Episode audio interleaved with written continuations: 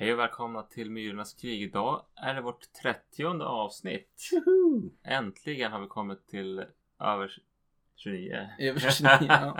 Det är väl någon anledning att fira ändå. Jo, vi fyller jämnt eh, och det är också Halloween och eh, för att få lite mer Halloween-stämning så är det varulvsfilmer på tapeten idag. Vi kommer kanske mest prata om The Wolf of Snow Hollow och Dog Soldiers men eh, ja, kanske blir lite slappt pratande om andra varulvsfilmer också och vi har, jag har lite tidspress idag för vi ska springa iväg på Halloween Kills om någon timme. Ja, Vi kanske kommer prata om den också då, precis. före och efter. Mm. Men först, eh, hur känns det nu inför eh, den här högtiden? Det måste väl ändå vara våran stora högtid? Man skulle kunna tro det. Men ja, jag vet inte. Halloween har aldrig varit en grej för mig. Det var ganska så nischat tyckte jag när man växte upp att fira Halloween. Det började väl komma lite mer och mer då. Men eh, Jag var i 12-årsåldern, då var jag ju väldigt skräcknörd. Vi gick väl i bräschen, men det fanns ju som inte. nej. Nej. Det vi har gjort i år faktiskt. För nu har vi flyttat till ett område med ganska mycket barnfamiljer. Så att vi har förberett oss med godis i alla fall. Mm, det är bra. Så att vi, har, vi är redo om det kommer några trick and treaters. Mm. Sen har vi ju inte behövt dekorera tomten så mycket för våran tomt ser redan lite skräckinjagande ut då vi håller på att dränera om huset så att Det är som en grav. det är lite som en grav. Så är det lite grann hos oss också. Vi har tagit bort en massa skifferplattor och jag har grävt bort en eh, buske så det ser, jag, jag- jag ska ställa upp en eh, skifferplatta som en gravsten framför den här gropen och sen skriva någonting på den gravstenen tänkte jag. Ja men det låter bra. Och sen kanske lite lyktor och sånt där. Det, jag tycker att det är mysigt. Det, det egentligen spelar det ingen roll vad man gör. Jag skulle kunna elda ljus för vilken tid som helst. Eller för vad som helst den här tiden på året. Mm. Nåja. Har du sett någonting? Ja, jag har sett en hel del. Jag eh, har gjort min hemläxa. Det nämnde vi i någon tidigare podd. Du lånade ut filmen I See You till mig. Vad tyckte jag du? se den. Jo men jag tycker att den var bra. Kanske inte så hemsk. Den var ju, hade några bitvis ganska otäck men eh, mer spännande än hemsk kanske. Men ändå absolut sevärd. Precis, jag tyckte det var spännande och eh, ja men den var lite grann en thriller som jag jag låg och hade la pussel framför tvn där och blev lite grann överraskad ibland. Mm, Så det är en rekommendation skulle jag säga. absolut. Sen gjorde jag även en egen hemläxa och såg eh, Sinister. Oh, Som var en sån här film som jag trodde jag hade sett den. Men sen började jag kolla lite på trailern på Netflix och såg att nej, jag tror fan inte jag har sett det här. Men jag vet ju att det är ändå en klassiker kanske att ta i, men ändå en omtyckt film. Så jag tänkte att jag får, får ge den en chans. Och den tycker jag väl ändå höll måttet också. Den är ju mer läskig. Alltså det är ju, en, det är ju absolut en skräckfilm. Och ganska otäck sådan. Ja, alltså den var ju rätt hypad så att jag gick in med rätt högt ställda förväntningar och de kanske inte fullt införlivades men med lite distans kring det så tycker jag ändå att Nej men en, en bra film, absolut. jag skulle väl säga den, ja, men som skräckfilm är den ju helt okej. Sen som filmfilm, alltså rent om man ska säga B eller berättelsemomentet är väl kom si kom sa. Mm. Älskvärt skräckskräp. Men den är, jag tycker Ethan Hawke gillar jag alltid. Nästan. Ja, så har de de här korta Super 8 filmsekvenserna. Det är ju det som lyfter filmen skulle jag säga. Ja, Ja. de är riktigt eh, otäcka faktiskt. Så då vart jag ju tvungen på grund av all mega hype och, och beta av Squid Game också. Så att eh, det har jag gjort. Jag skulle väl säga believe the hype med en asterisk att om man tittar på mycket koreansk film så är kanske inte det här någonting revolutionerande eller jättefantastiskt. Men jag tycker ju att mycket koreansk film är otroligt bra och så även här. Men jämfört med all annan koreansk film jag har sett och serier och så så är den kanske average. Jämf- om man ställer den måttstocken liksom internationellt så är den kanske above average. Det känns som att det är mer världen som har börjat komma ikapp och fått upp ögonen för koreanska filmer. Ja, det är väl eh, som att ja, men, tack vare Parasit och lite grann det här. Så kommer den här. Nu kommer eh, folk prata i fikarummet om koreansk film. Eller det här som man pratar om. A Star is Born. Lite Mm. grann. Mm, Att det är den. Det har nått de breda massorna. ja, Nu låter jag som en eh, väldigt ingrottad snobberinörd här. men så är det. Vi driver en skräckfilmspodd här. ja, precis. Ja. På Ja. tal om det såg jag också Midnight Mass som jag vet att du också har gluttat på lite grann. Vad vad var din bestående känsla? Ja, det var nästan ingen bestående känsla. Jag tycker den var ganska trist. Jag tyckte den led av samma som även hans tidigare Netflix-serier har gjort. Att det är lite för puttinuttigt. Men det här var liksom puttinuttigt overload. Det var som aldrig någonting som ens försökte göra anspråk på att vara lite otäckt eller obehagligt. Utan allting bara var, var väldigt fint och mysigt och härligt. Till och med när folk dör så var det liksom, skulle man twista till det till att allting är ändå bra och fint ändå. Jag vet inte. Det föll mig inte i smaken. Jag tycker att eh, Mike Flanagan det är alltså han verkar vara en genuint trevlig person och han gör det blir som det är för trevligt. Samtidigt så ska jag inte sticka under stol med att jag hade mysigt när jag såg det här. Mm. Men eh, jag hade jag tyckte inte att det var otäckt. Det var vissa saker som man kunde som ana på en gång. Men vill man liksom gå in i den här diskussionen om livet och döden och det här uh, Stephen King är med de här bigotterna och det, det fanns delar av det här som jag trivdes i och tyckte var mysigt. Men när jag tänker efter nu när, när det har gått några veckor så minns jag nästan ingenting. Mm. Det, den har inga, jag fick inga bestående men av den.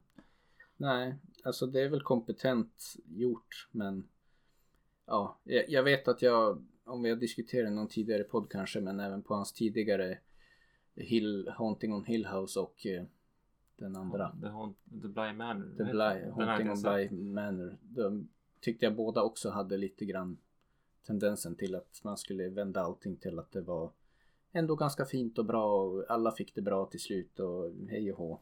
Jag, jag menar det, det kanske Fick ändå... alla det bra till slut i det här? Alla dog ju nästan. Jo, men äh, även när de dör så står de där och sjunger Kumbaya tillsammans och är glada och lyckliga och, och kramar om varandra. Ja, men, äh, det, men det finns ett lager, alltså jag tyckte det var eh, några saker, men en sak jag tyckte var bra, jag gillar prästen, hans eh, moraliska, alltså han en som försöker misslyckas på något sätt. Det är en Mm. grej som jag tyckte om och jag tyckte han var ganska bra spelad. En annan aspekt som jag tyckte om och det här är ju som väldigt personligt för mig.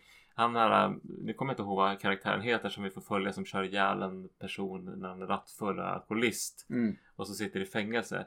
Det är jävligt skojigt att jag satt hela tiden och tänkte på en av mina kusiner. mm, Eller min halvkusin kanske man ska säga. Så jävla lik honom. Är liksom, är liksom lite grann i utseende och utstrålning. mm, Ja och sen så typ eh, Det här blir väl en liten spoiler. Jag, jag tycker väl att det unnar vi er lyssnare. Men hans pappa i serien. Det är ett moment i den här åld- föråldringens föryngringsprocessen. Som han är så fruktansvärt lik min farbror som då är pappa till den här kusinen. Men jag, jag skulle inte säga att de är så himla lika varandra. Men det är ändå liksom De har prickat in det intressant att de lyckades få in den aspekten. Att de ändå kan som föräldrar och barn vara lika. Mm. det kanske bara är en ren slump men jag, jag vart som det slog mig. Sen hade jag ju extrema problem med hur de hade ålderssminkat karaktärer och då, jag anade att ja, men det är ju någonting som kommer hända här. Mm. Och man vet ju ganska snart att det är någonting med va- vampyrmyten. Mm. Det var lite störigt berättande ibland. Men vi kan lämna The Midnight Mass. Jag tyckte den var mysig en, i höstrusket serie. Men inget mästerverk, inget minnesvärt. Nej, det är mycket annat jag skulle säga. Hellre Squid Game skulle jag säga då. Om ni Okej. ska välja. Ja. Eh, så passade jag även på och såg Lake Placid vs Anaconda. Bara för att den dök upp i mitt flöde. Jag 1 till tänkte 10. rating. Ja. Ja, alltså det är väl en, en stark fyra kanske. Bra skräp. Bra skräp. Ja. Det, vad heter han? John? Nej, Robert Englund är ju med. Ja, men han det är lyfter ju lite grann. Men eh, annars så är det som sagt, det är skräp men det är ändå en film som vet att det är skräp och har lite roligt med det. Mm. Själv då? Ja, men jag, jag hade någon eh, dag när jag sprang förbi biblioteket här i Umeå och lånade hem två DVD-filmer. Escape Room. Som handlar om typ Bodaborg fast där man blir dödad. Mm. Rätt så underhållande men den försöker vara smartare än vad, vad det klarar av att vara. Eh, The Invisible Man från 30-talet. Ja, Rätt. originalet. Ja, Ah. den var, ja men den var trevlig. Det, den var mysig. Mm. Väldigt mysig. Det är så här vinterlandskap och härligt svartvitt galenskap. Men är inte så, särskilt otäck. Men imponerande för effekter för att vara så gammal. Mm. Sen så såg jag den här upphypade Saint Maud som jag faktiskt tycker var bra. Mycket slagsida åt dramat så tycker man inte psykologiska draman är bra så kanske man inte behöver se den. Men jag tyckte den, den, den slog an en not på mig. Eller vad säger man? Ja men den eh, har funnits på min att göra-lista fast jag har inte riktigt tagit mig för det. Ja. Men eh, det är svårt att undgått hypen kring ja, den. men du får låna den. Jag har den på plast. Mm. Sen så hade jag och Annika en date night när hennes syster var barnvakt. Där vi kunde gå på bio. Då gick vi och såg på The Father. Med Anthony Hopkins som spelar en eh, åldrad eh, intellektuell medelklassperson som är dement. Mm. Inte en skräckfilm men den var så skildrade demensen på ett väldigt bra sätt som jag ibland har skräckfilmer tangerat sättet att Mm. skildra den typen av förvirring. Jag tyckte det var fantastiskt bra spelat och väldigt, jag blev väldigt berörd av den. Och den var stundtals, eh, om man tänker efter, det här kan jag, är det så här att vara dement? Då är den ganska otäck. Ja. Och jag blev ganska taggad på både att se mer Anthony Hopkins, han har ju gjort ändå skräckfilm. Bortsett från Den allmän tystnad förstås. Och sen eh, blev jag ju någon gång kanske vi ska göra ett demensavsnitt. Det Man kanske- kan hitta, kurera urvalet. Kommer slippa se på The Visit igen. Den vill jag absolut inte beröra med tång. Men absolut, det är ju ett ämne som har mycket skräckpotential men också som man får närma sig lite försiktigt för att inte, man vill ju se något som, ja men som The Father som tar det på allvar. Precis, vi har ju båda två har vi ju stöter vi ju på nu. Jag är inte så mycket nu eftersom jag jobbar på förlossning, men vi har jobbat både inom vården och stöter väl på mycket av det lidande både hos de som är dementa och deras anhöriga. Så det, det, det känns, det blir lite ors... Jag blir känslig för sånt där om det är Mm. gjort. Mm. Ja, nej men det kanske ligger i korten i framtiden. Vi får se.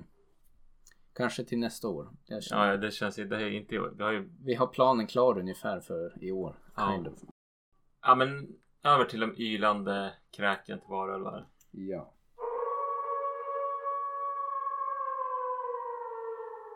Ja vi har tänkt egentligen inte ta någon jättedjupdykning i varulvar. Det kanske har sina orsaker i ett bristande intresse men samtidigt är ju varulvsfilmer kanske passar ganska bra till halloween säsongen.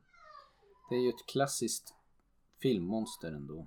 Men Jo. det är som du säger, det är ett filmmonster som jag aldrig haft något brinnande intresse för. Den har ju Egentligen. såna tropes som gör den ganska tråkiga men det ska förvandlas en gång när det, varje gång det är fullmåne och silverkulor och som, eller silvervapen antar man. Också lite grann fastnat i det här Oj hur ser förvandlingen ut? Vilken film har bäst förvandling? Bla bla bla. Ja, Ja. Ja, det, det, det faller mig inte riktigt i smaken. Sen finns det väl säkert bra filmer. Vi kommer in på det senare. Ja. Och egentligen så kanske det är lite synd med det här med varulvar att det har blivit en klysch eller en trope. När jag gjorde min ytliga research så är det, liksom, är det egentligen Wolfman som satte mallen lite grann. Mm. Medan varulvsmyt och har- är ju liksom massa mer olika regler som är, ja men det att man kan, vissa som är varulvar har gjort det genom en besvärjelse, alltså om man går till folksagorna, Mm. har gjort, fått det genom en besvärjelse där man har något skärp med eh, något varje så kan man trolla sig till, var, till en när man vill. Eller att en del har fått det som någon sorts förbannelse över sig, som en bestraffning för att man har hållit på med otukt eller allmänt dum. Ja. Och så finns det väl kanske en del som tar någon menstruationsursprung till myt. Men det är ganska alltså, olika hamnbytare. Så det behöver inte bara vara var, vargar utan det är andra djur. De, det- finns mycket mer man skulle kunna göra med det här för att göra det intressant. Utifrån de filmer jag har googlat mig till och sett, men jag gjorde lite research innan också, så känns det ju som att mycket av de filmerna som kommer fram när man söker på varulvar är ju också lite ofta tangen chic. Jag vet inte, det blir lite fjantigt på något vis. Och en del spelar väl till och med på det med där det mer tangerar skräckkomedi än det är riktig skräck. Och jag tror det som jag skulle sukta efter, jag tror att varulvar skulle kunna funka men jag, jag skulle vilja ha The Witch-versionen av varulvsfilm. Om man tänker den här Robert Eggers filmen The Witch. Att man har varulvsmytoset och placerar det i liksom rätt tid och plats. Där det faktiskt var riktigt otäckt. Häxor tycker jag också kan vara en sån grej som kan kännas lite löjligt om man sätter in modern setting. Det blir inte så himla otäckt, det känns lite fjantigt. Ska Men just i den filmen för att de är den här nybyggarmiljön Naturen är verkligen hotfull, man är verkligen isolerad som familj. Då funkar The Witch och jag skulle vilja se något liknande take på varulvar där man verkligen får placeras och sugas in i en sån miljö. På den tiden då varulvar var liksom otäckt och det kanske ändå var en, en sägnen som gick som folk var genuint rädda för. Ja, jag tycker väl det som i sådana fall eh, den filmen som jag tycker kommer närmast tycker jag är väl en, vet, en amerikansk varulv i London. Mm. Den är ju, är ju lite tongue också men jag tycker den lyckas ju. Den är ganska blodig och otäck. Och den gör ju lite andra saker. Han eh, blir ju biten av, blir en varulv och, ja, men han drabbas av en massa syner och sånt där. Det är liksom det här plågas. Det är som inte bara det här varulvs man Nej. säga, Utan Nej. det är lite annat som gör det läskigt. Man kan säkert göra så med häxor också. Att göra det på bra, ett bra sätt i, i en modern eh, kontext. Men eh, The Witch. Eh, men tänk att göra en varulvsfilm där. Jag vet, inte vet jag. Det, det, kanske, trå- det, det kanske blir tråkigt att göra en varulvsfilm i The Witch-eran. Men jag förstår precis vad du menar. Att man Mm. kanske skulle göra, försöka skapa skräcken som man kände Ja. på riktigt. Rätt regissör tror jag skulle kunna göra någonting bra med det. Sen kanske det skulle bli lite väl likt The Witch på något sätt. Man får ju fundera hur man skulle göra med det. Det är ju lite grann naturen och bara den utsatta miljön i The Witch som gör att det blir väldigt otäckt. Häxan är ju som en parentes på något sätt i Mm. sammanhanget. Men eh, ja, det är, väl, det är väl det jag hade efterlyst och kanske inte riktigt lyckats hitta i varulvsfilmutbudet. Nej som sagt det är inget favoritmonster så det är inte många filmer jag har sett. Jag har Ginger Snap som ska vara en klassiker och Howling inget sånt jag har sett. Jag har sett Teen Wolf med Michael J Fox. Ja. Definitivt inte en skräckfilm. Men väldigt nostalgiladdad för mig. Mm. Silver Bullet är ju också en sån nostalgifilm. Där vi har Gary Busey som spelar någon sorts eh, alkoholiserad eh, mysfarbror till huvudkaraktären. Det är väl, han är väl behållningen där. Ja, men jag har egentligen inte så mycket att säga. Det, jag känner redan att vi går på ångorna här på På varulvstemat. Ja, så eh, vi ska väl inte ho- hoppa på Dog Soldiers här då? Ja, den första filmen som vi har sett inför avsnittet. Jaws, aliens, and predator with a werewolf twist.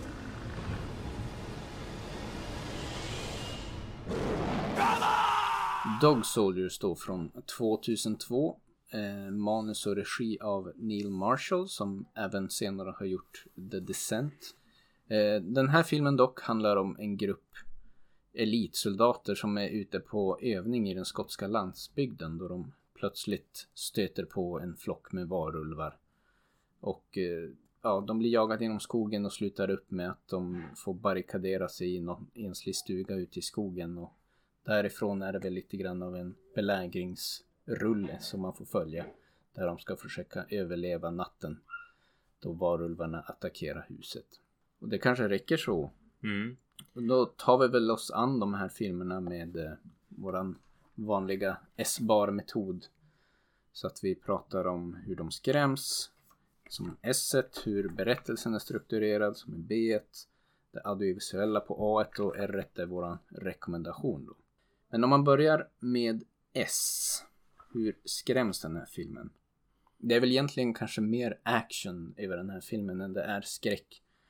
Men eh, det finns väl ändå en del lite trevliga varulvsförvandlingseffekter. En Ja. del lite mer dråpligt kanske än otäckt gore. Det är ju en ganska lågbudgetfilm det här ändå.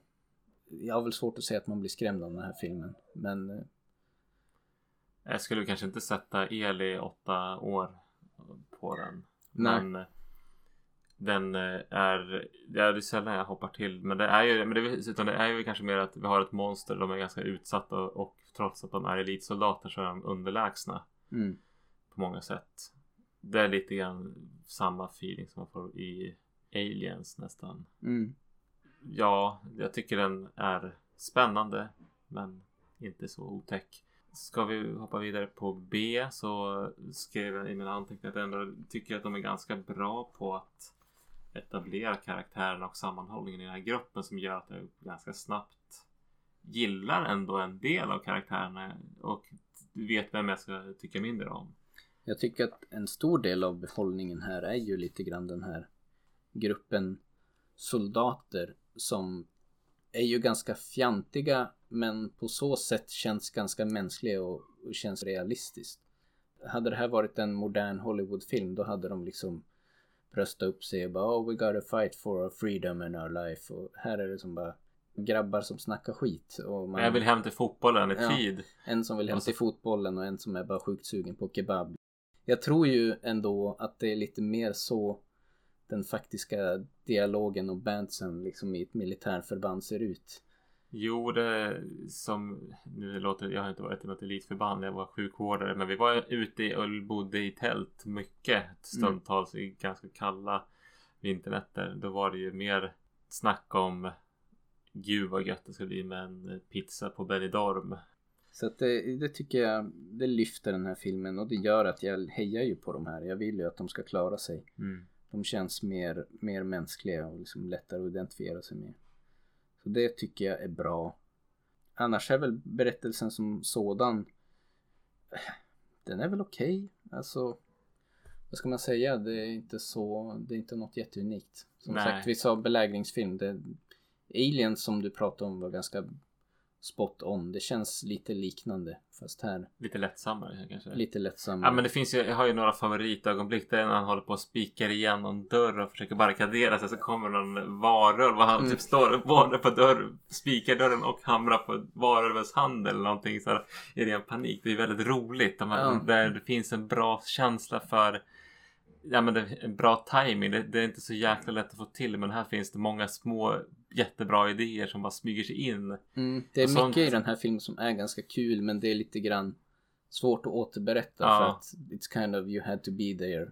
Det är väldigt små subtila grejer som du säger och ska Ja. man försöka förklara det så låter det kanske inte så roligt men det funkar bra i filmen. Ja, men det är som en film som Det här kanske mer är generellt om filmen i största allmänhet men att den här filmen har Ja men för att göra en bra film så räcker det inte att man har två bra idéer utan du kanske måste ha 15 bra idéer i, i varje liten scen Mm. för att det ska bli bra. Och den här är, tycker jag ändå hör till stundtals där i varje fall.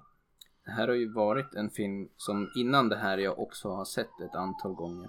Som har varit en sån film som är lite nästan comfort food för mig. Där man kan alltid slänga på en Dog Soldiers liksom. Det här är en film som jag kan sitta och mysa lite grann till.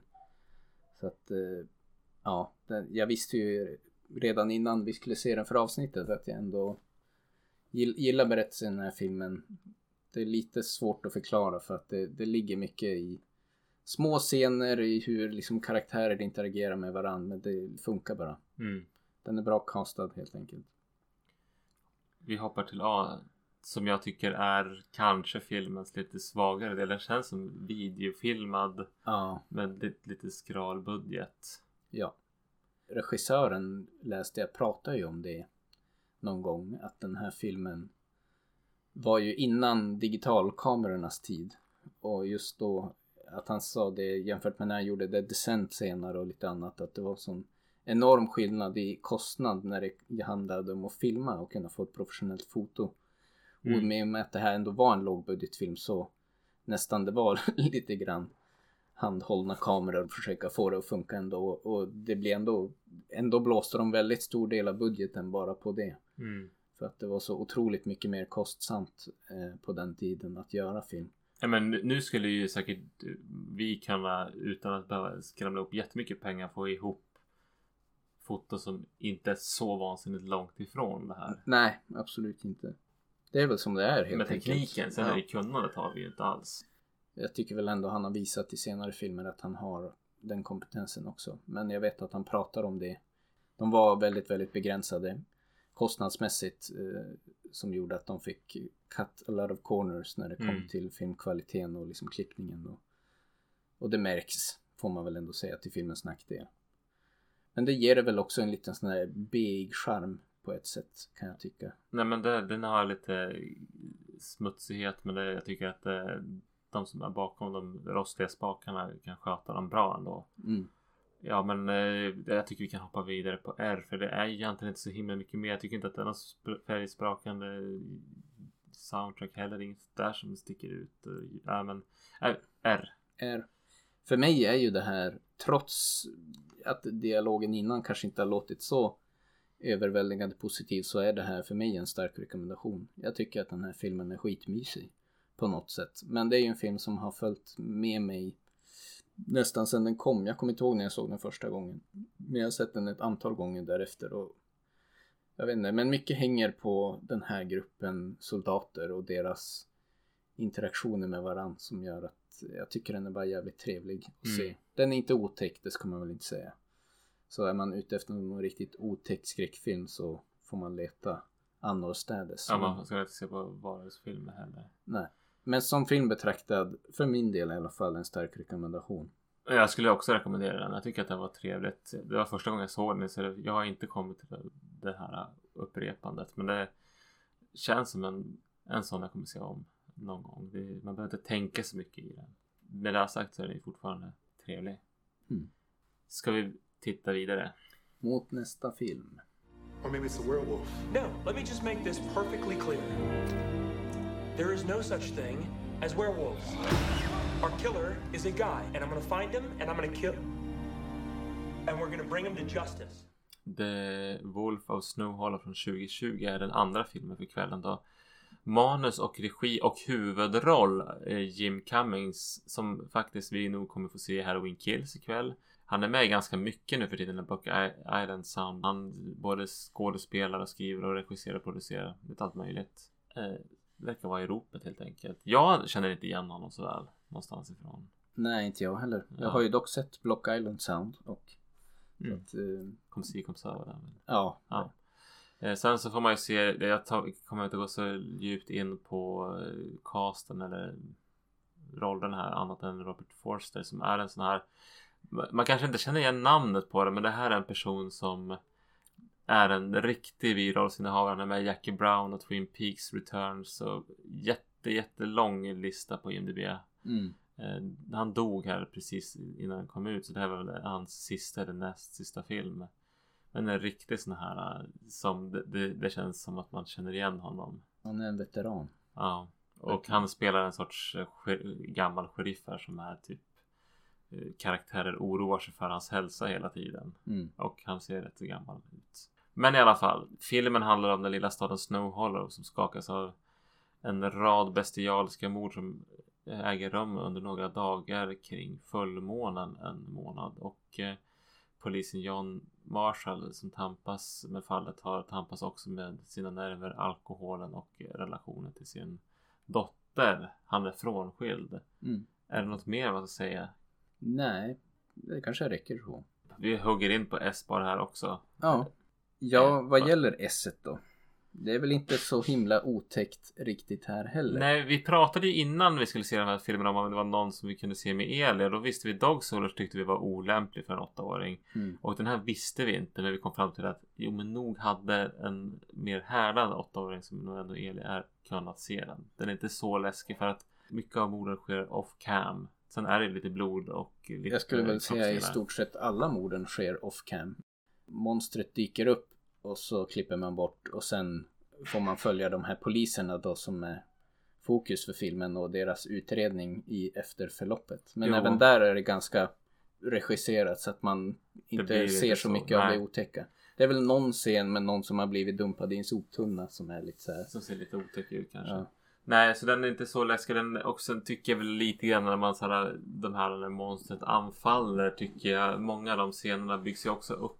Det blir aldrig skrämmande. Det, det, där lyckas den inte riktigt. Mm. Så jag tycker S är en ganska svag. Men eh, det kanske inte behöver vara så skrämmande när man ser på skräckfilm.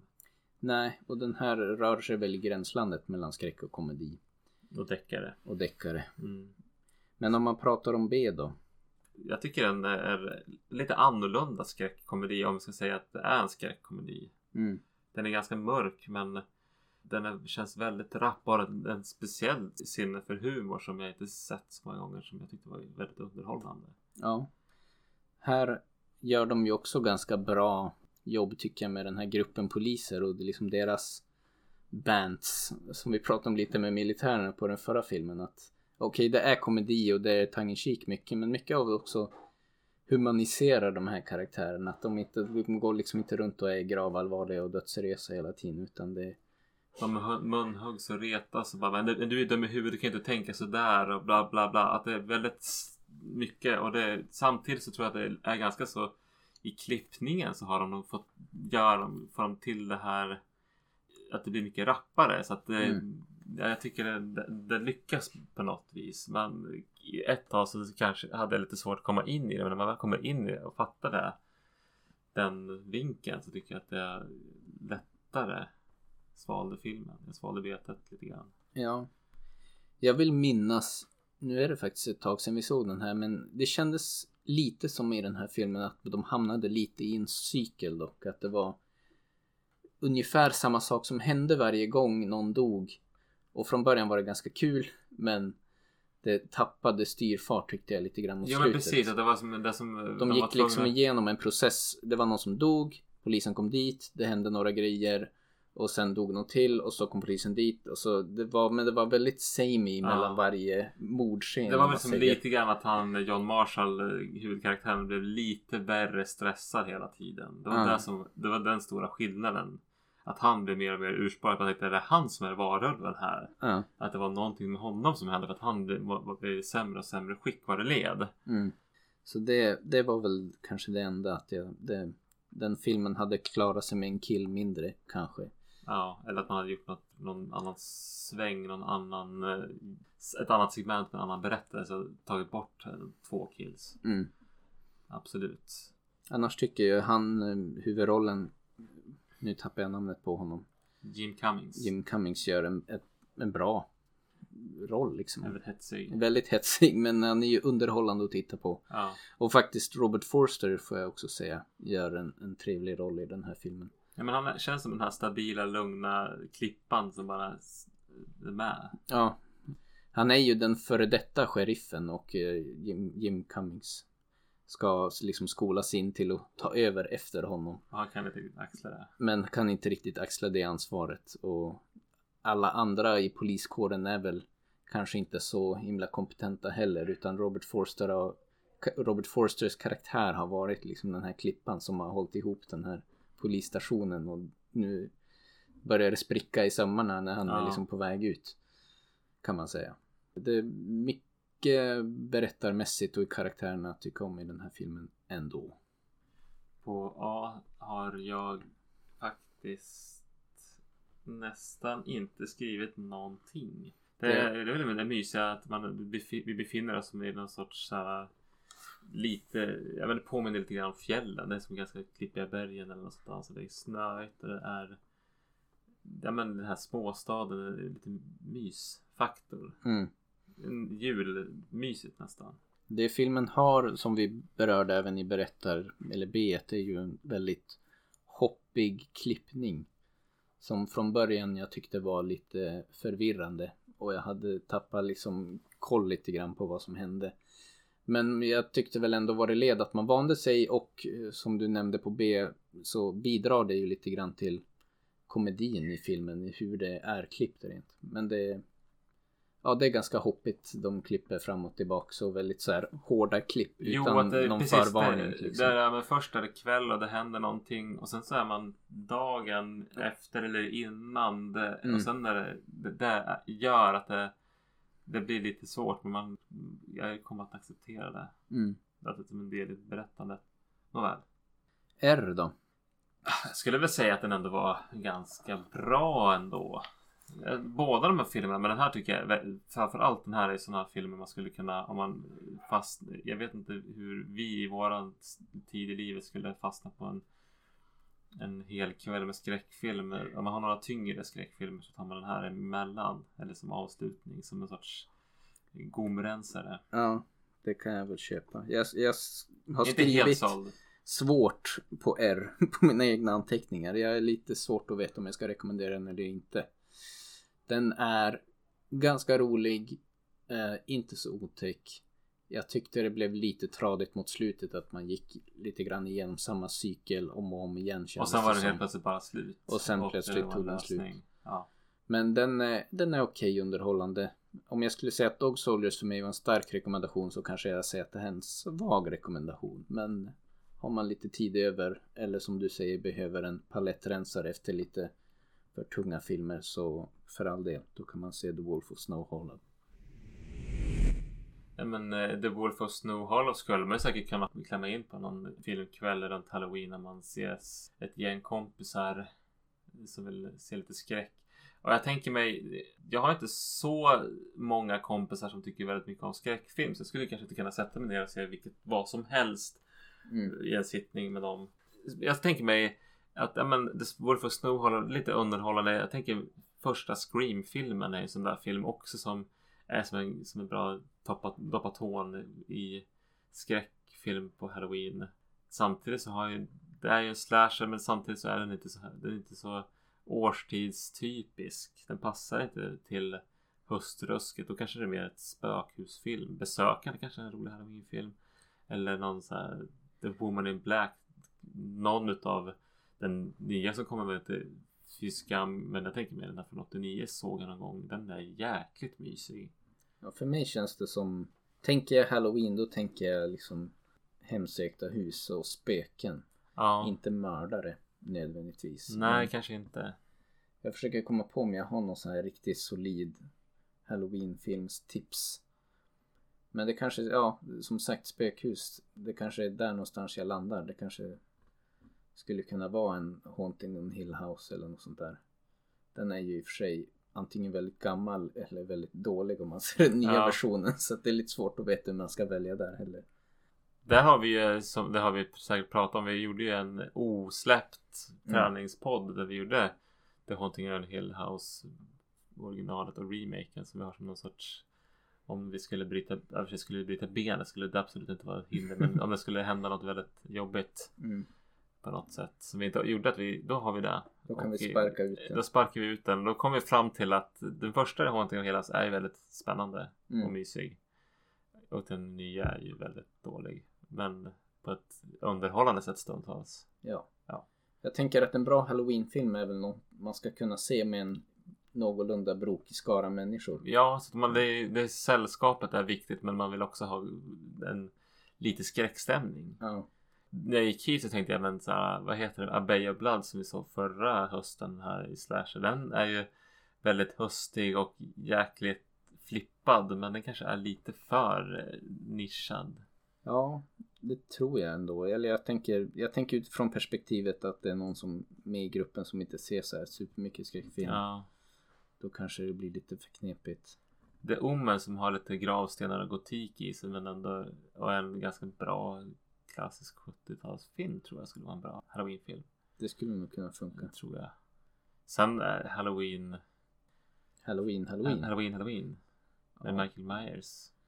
Den är ju väldigt eh, säsongsrätt liksom. Den Mm.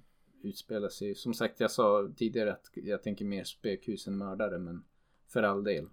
Den tycker jag är jävligt bra också. Och den är ju så pass gammal att den kanske även för en mer ovan tittare inte alldeles för otäck heller. Ja, den är ju väldigt oblodig men den, hopp, den, är ju, den, den kör ju sina cheap scares genom, som John Carpenter själv säger. Mm. Hoppar till och sånt där. Men den är, ja men som du säger, den är inte så fruktansvärt klibbig. Nej. Så där har vi kanske någonting. Ja men, men jag, jag är med dig där. Jag tycker nog ändå liksom det här äh, andliga, onda andar och sånt där kanske är bästa för säsongen just nu Mm. ändå. Ja, för mig personligen i alla fall. Så känns det rätt. Men vi har ju bestämt oss redan för vilken film vi själva ska se den här halloween. Ja, strax. Precis, vi kommer att rusa iväg om en liten, liten stund och se Halloween Kills. Som är den direkta uppföljaren till Halloween som kom 2018. Mm. Som raderade ut i princip alla uppföljare förutom... Ja, den, den hävdar att den är uppföljaren till den första Halloween från 1978. Ja. Och som vi väl båda var hyfsat överens om var ganska bra ändå. Hyfsat. Ja, jag tycker, nu försökte jag ju se den om den i veckan och jag tyckte väl att den, den är ju, ja. Jag har ju bara sett den när vi Men- såg den då på bio. ja det, som bioupplevelse, jag minns att jag var ändå glatt överraskad. Det är inget Mm. mästerverk och det är väl lite kanske synd att de inte gjorde mer av den potentiella pot- fick, den fick inte ut en, all potential över den. Men som, ja, hyfsat nöjd ändå. Det var inget, den var okej. Mm. Underhållande och trevlig att se på bio. Och jag har sett fram emot att se Halloween Kills. Ja, jag ser mycket fram emot det här. Men det är nästan mer att jag ser fram emot att gå på bio. Ja, det är kul att se skräckfilm på bio igen. Herregud. Jag har inte varit på bio sen vi såg Halloween. Tror jag. Nej men eh, vi var ju på Tenet. Ja just det, vi såg Tenet också. men så det vet jag, har inte sett något mer sen dess alltså. Jag vet inte gudarna alltså. Men liksom efter coronan slog till då. Ja, men Halloween kom, ja det var slutet på 2018. ja. Tenet vet jag, det, det såg vi faktiskt under pandemin. Ja, ja, det var precis innan det vart. Innan det vart helt... Men har du inte sett något annat alltså? Nej, jag tror inte det. Jävlar. Har vi inte sett någon skräckfilm? Alltså det är nästan bara dig jag går Vi såg ju bio med. Midsommar såg vi ju. Midsommar Den vi. såg vi ju, Mm. 2019. Det stämmer. Okej, jag överdriver lite grann. Men, Men, det är det är inte långt ifrån. Det är inte långt ifrån. det är länge sanningen. sedan.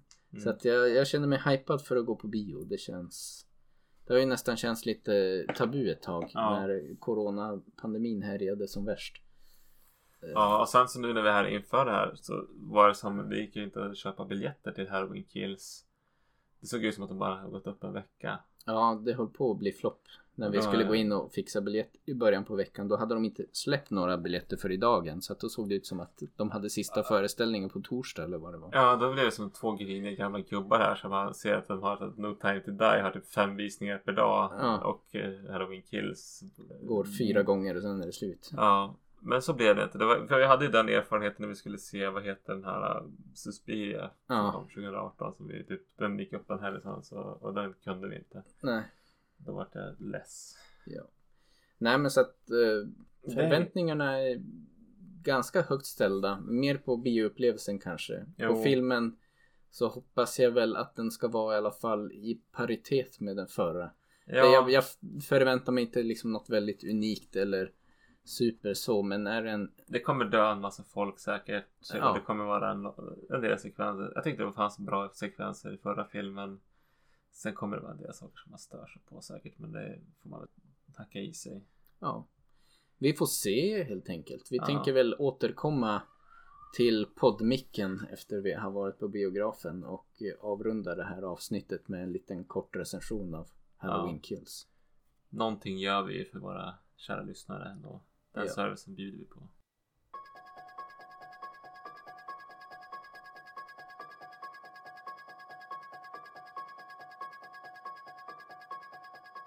Då är vi alltså tillbaka från Halloween Kills. Hur var känslan Erik? Den omedelbara känslan efter att ha sett filmen är Jaha. Ja, lite så kanske. Jag tycker väl eh, som jag pratade om innan. Jag var taggad på att fara på bio. Det var roligt att fara på bio. Och det kanske färgar min upplevelse lite. Hade jag sett den här på någon streamingtjänst för mig själv. Då hade jag nog tyckt den var ganska kass. Nu eleverar hela bioupplevelsen den ändå till en okej film kanske. Men det är nog mer bioupplevelsen jag recenserar än filmen i sig. Ja, jag tycker det är kul att komma ut på bio. Sen så saknar jag den här. Jag kommer ihåg när vi såg på första halloween 2018 så var det ju en som skrek perfekt tajmat hela tiden. Det lyfte ju den upplevelsen lite ytterligare. Henne saknar jag idag. Mm, det är sant. Det var nästan fullsatt biograf men alla satt tyst. Ja, det var någon som prasslade lite med godis möjligtvis, men det, det var allt. Ja. Nej men jag tycker väl i den här filmen, det känns lite som But Why. De gör en reboot av hela franchisen och ignorerar alla de här filmerna där man skulle kunna anse att den originalfranchisen liksom spårar ur. Men det som händer i den här filmen är att det spårar ur lite på samma sätt. Ja, det är helt i onödan. Ja. Och och det känns som de som har skrivit och regisserat inte vet hur man... eh, De älskar skräckfilm och älskar gore, men de vet inte hur man gör en otäck film. Nej, det var väldigt många som dog i den här filmen och på väldigt våldsamma sätt. De byggde inte upp liksom tension inför varje kill särskilt bra så att det blev inte så otäckt på det sättet. Och sen var liksom Goren gorig men det var aldrig det här att man satt och bara kände oh, aj, oh, att det liksom gör ont i kroppen på en. Utan det var som... Det var som Hollywood-våld som gjorde mig... Jag kände mig som inte närvarande i det på något eller vad man ska säga. Nej, jag vet inte. På något sätt landar det inte riktigt rätt ändå. Nej, och eh, det har också ett stort problem att den eh, lite grann börjar otroligt våldsamt och man kan som inte riktigt toppa det. Och så har jag lite problem med de här tillbakablicken. Jag tycker den här som spelar Dr. Loomis var ju vansinnigt lik Dr. Loomis. Mm. Så det kändes ju äkta. Men eh, jag förstår inte heller de tillbakablickarna gav mig ingenting. Jag vet inte om filmen gav mig någonting överhuvudtaget. Jag Nej. tyckte hela filmen kändes lite grann så här, what's the point? Michael Myers dödar massa folk men det tar som inte vägen någonstans. Jamie Lee Curtis är mer eller mindre en statist i filmen.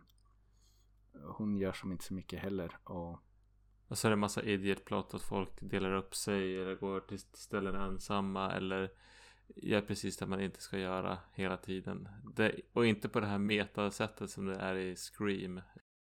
även om jag som sagt uppskattade bioupplevelsen så är jag inte överhuvudtaget nyfiken av att veta vart den här franchisen ska ta vägen nu. Efter första filmen var jag ändå lite grann intrigued. Men här, ja, spoiler alert, men de gör väl lite den här misstaget att de eleverar filmens monster för mycket till att bli Mm. nästan något eh, demongudalikt aktigt där något som jag uppskattade med åtminstone originalet Halloween att det var som ändå plausible att he's just a guy. Han är bara en stor elak snubbe. Men här blir han någonting annat. Och det är väl det som jag tyckte var misstaget man gjorde i uppföljarna sen som gjorde att det spårade ur. Man liksom känner att man måste toppa det på något sätt med varje ny film. Men jag vet inte om man behöver toppa det. Om man kan skriva bra karaktärer och intressanta berättelser så tycker jag inte man behöver hela tiden up the ante in terms of violence och hur Nej. farlig han är. Jag hade nog eh, känt att det var, berättelsen hade fungerat bättre om man hade men låtit honom bli rä- räddad och lite sargad och sen så på vägen till sjukhuset så slår han ner ambulanspersonalen och lyckas fly. Mm. När de som inser att det är Michael Myers så kanske hade man kunnat spunna vidare på det sättet och sen tar han sig tillbaka till sitt barndomshem. Ja. Och så kanske det kan handla lite grann om det och hur det går upp, går upp för de andra att han har kommit undan. Ja. Och så, och så hade man kunnat hå- hålla nere kill counten och våldet lite grann och satsat mer på spänning. Om man ska göra en S-bar på det här så tycker jag det är ju absolut ingen spänning. Det är bara ganska explicit brutalt våld som driver skräcken i den här filmen. Men våld som på något plan ändå misslyckas. Jag tänkte Ja. lite på Game of Thrones när jag såg det här våldet. Alltså det är liksom så här visceralt våld. Men det är ändå väldigt så här snyggt och regisserat på ett sätt. Det känns inte så här smutsigt och äkta som jag vill att det ska kännas i en skräckfilm. Så, I don't know. Det var väl tyvärr lite av en besvikelse. Samtidigt har man som jag legat i det under coronapandemin och suktar efter att gå på bio. Så why not liksom. Det var väl en okej bioupplevelse tyckte jag ändå. Och man kanske inte har så mycket annat att välja på om det är just skräckfilm man är ute efter. Nej, det var trevligt att komma ut. Men det är kanske inget jag skulle bemöda mig att köpa på plast. Eller hyra. Nej, det om... Nej, jag kan faktiskt inte se den situationen då jag ser om den här. Mm. Förra filmen kan jag tänka mig att jag ser om någon gång. För att den är mysig. Den här känns... Det är i sådana fall för att man vill ha en vara kompletist eller vad det heter. Completionist. Mm. Ja, det är väl lite grann tyvärr också så att med den här filmen i bagaget så blir jag mindre taggad på att se om den första också. För man vet vart det tar vägen sen. Jo, det förtar lite grann. Men det kanske får vara våran recension av Halloween Kills. Jag är liksom lite rädd att spoila så att jag vill inte snacka för mycket heller om Nej, nej, nej. detaljer. Nej men det är så, egentligen inte så mycket detaljer. Jag tycker det är som i grunden kanske en ganska bra idé Haddonfield blir som en sorts mobb för att leta rätt på eh, Frankensteins monster här. Mm. Eller på att säga. Men eh, de gör inget bra utav det. Det är bara hysteri liksom. Alltså det finns små idéer. Jag tycker också de här karaktärerna som egentligen bara avpoliteras men som eh, ja, det här äldre paret i början och det här homosexuella paret sen. Det är där filmen funkar som bäst. När man liksom eh, etablerar dem. Men de används ju inte i historien mer än att avpoliteras. Så att det blir lite meningslöst.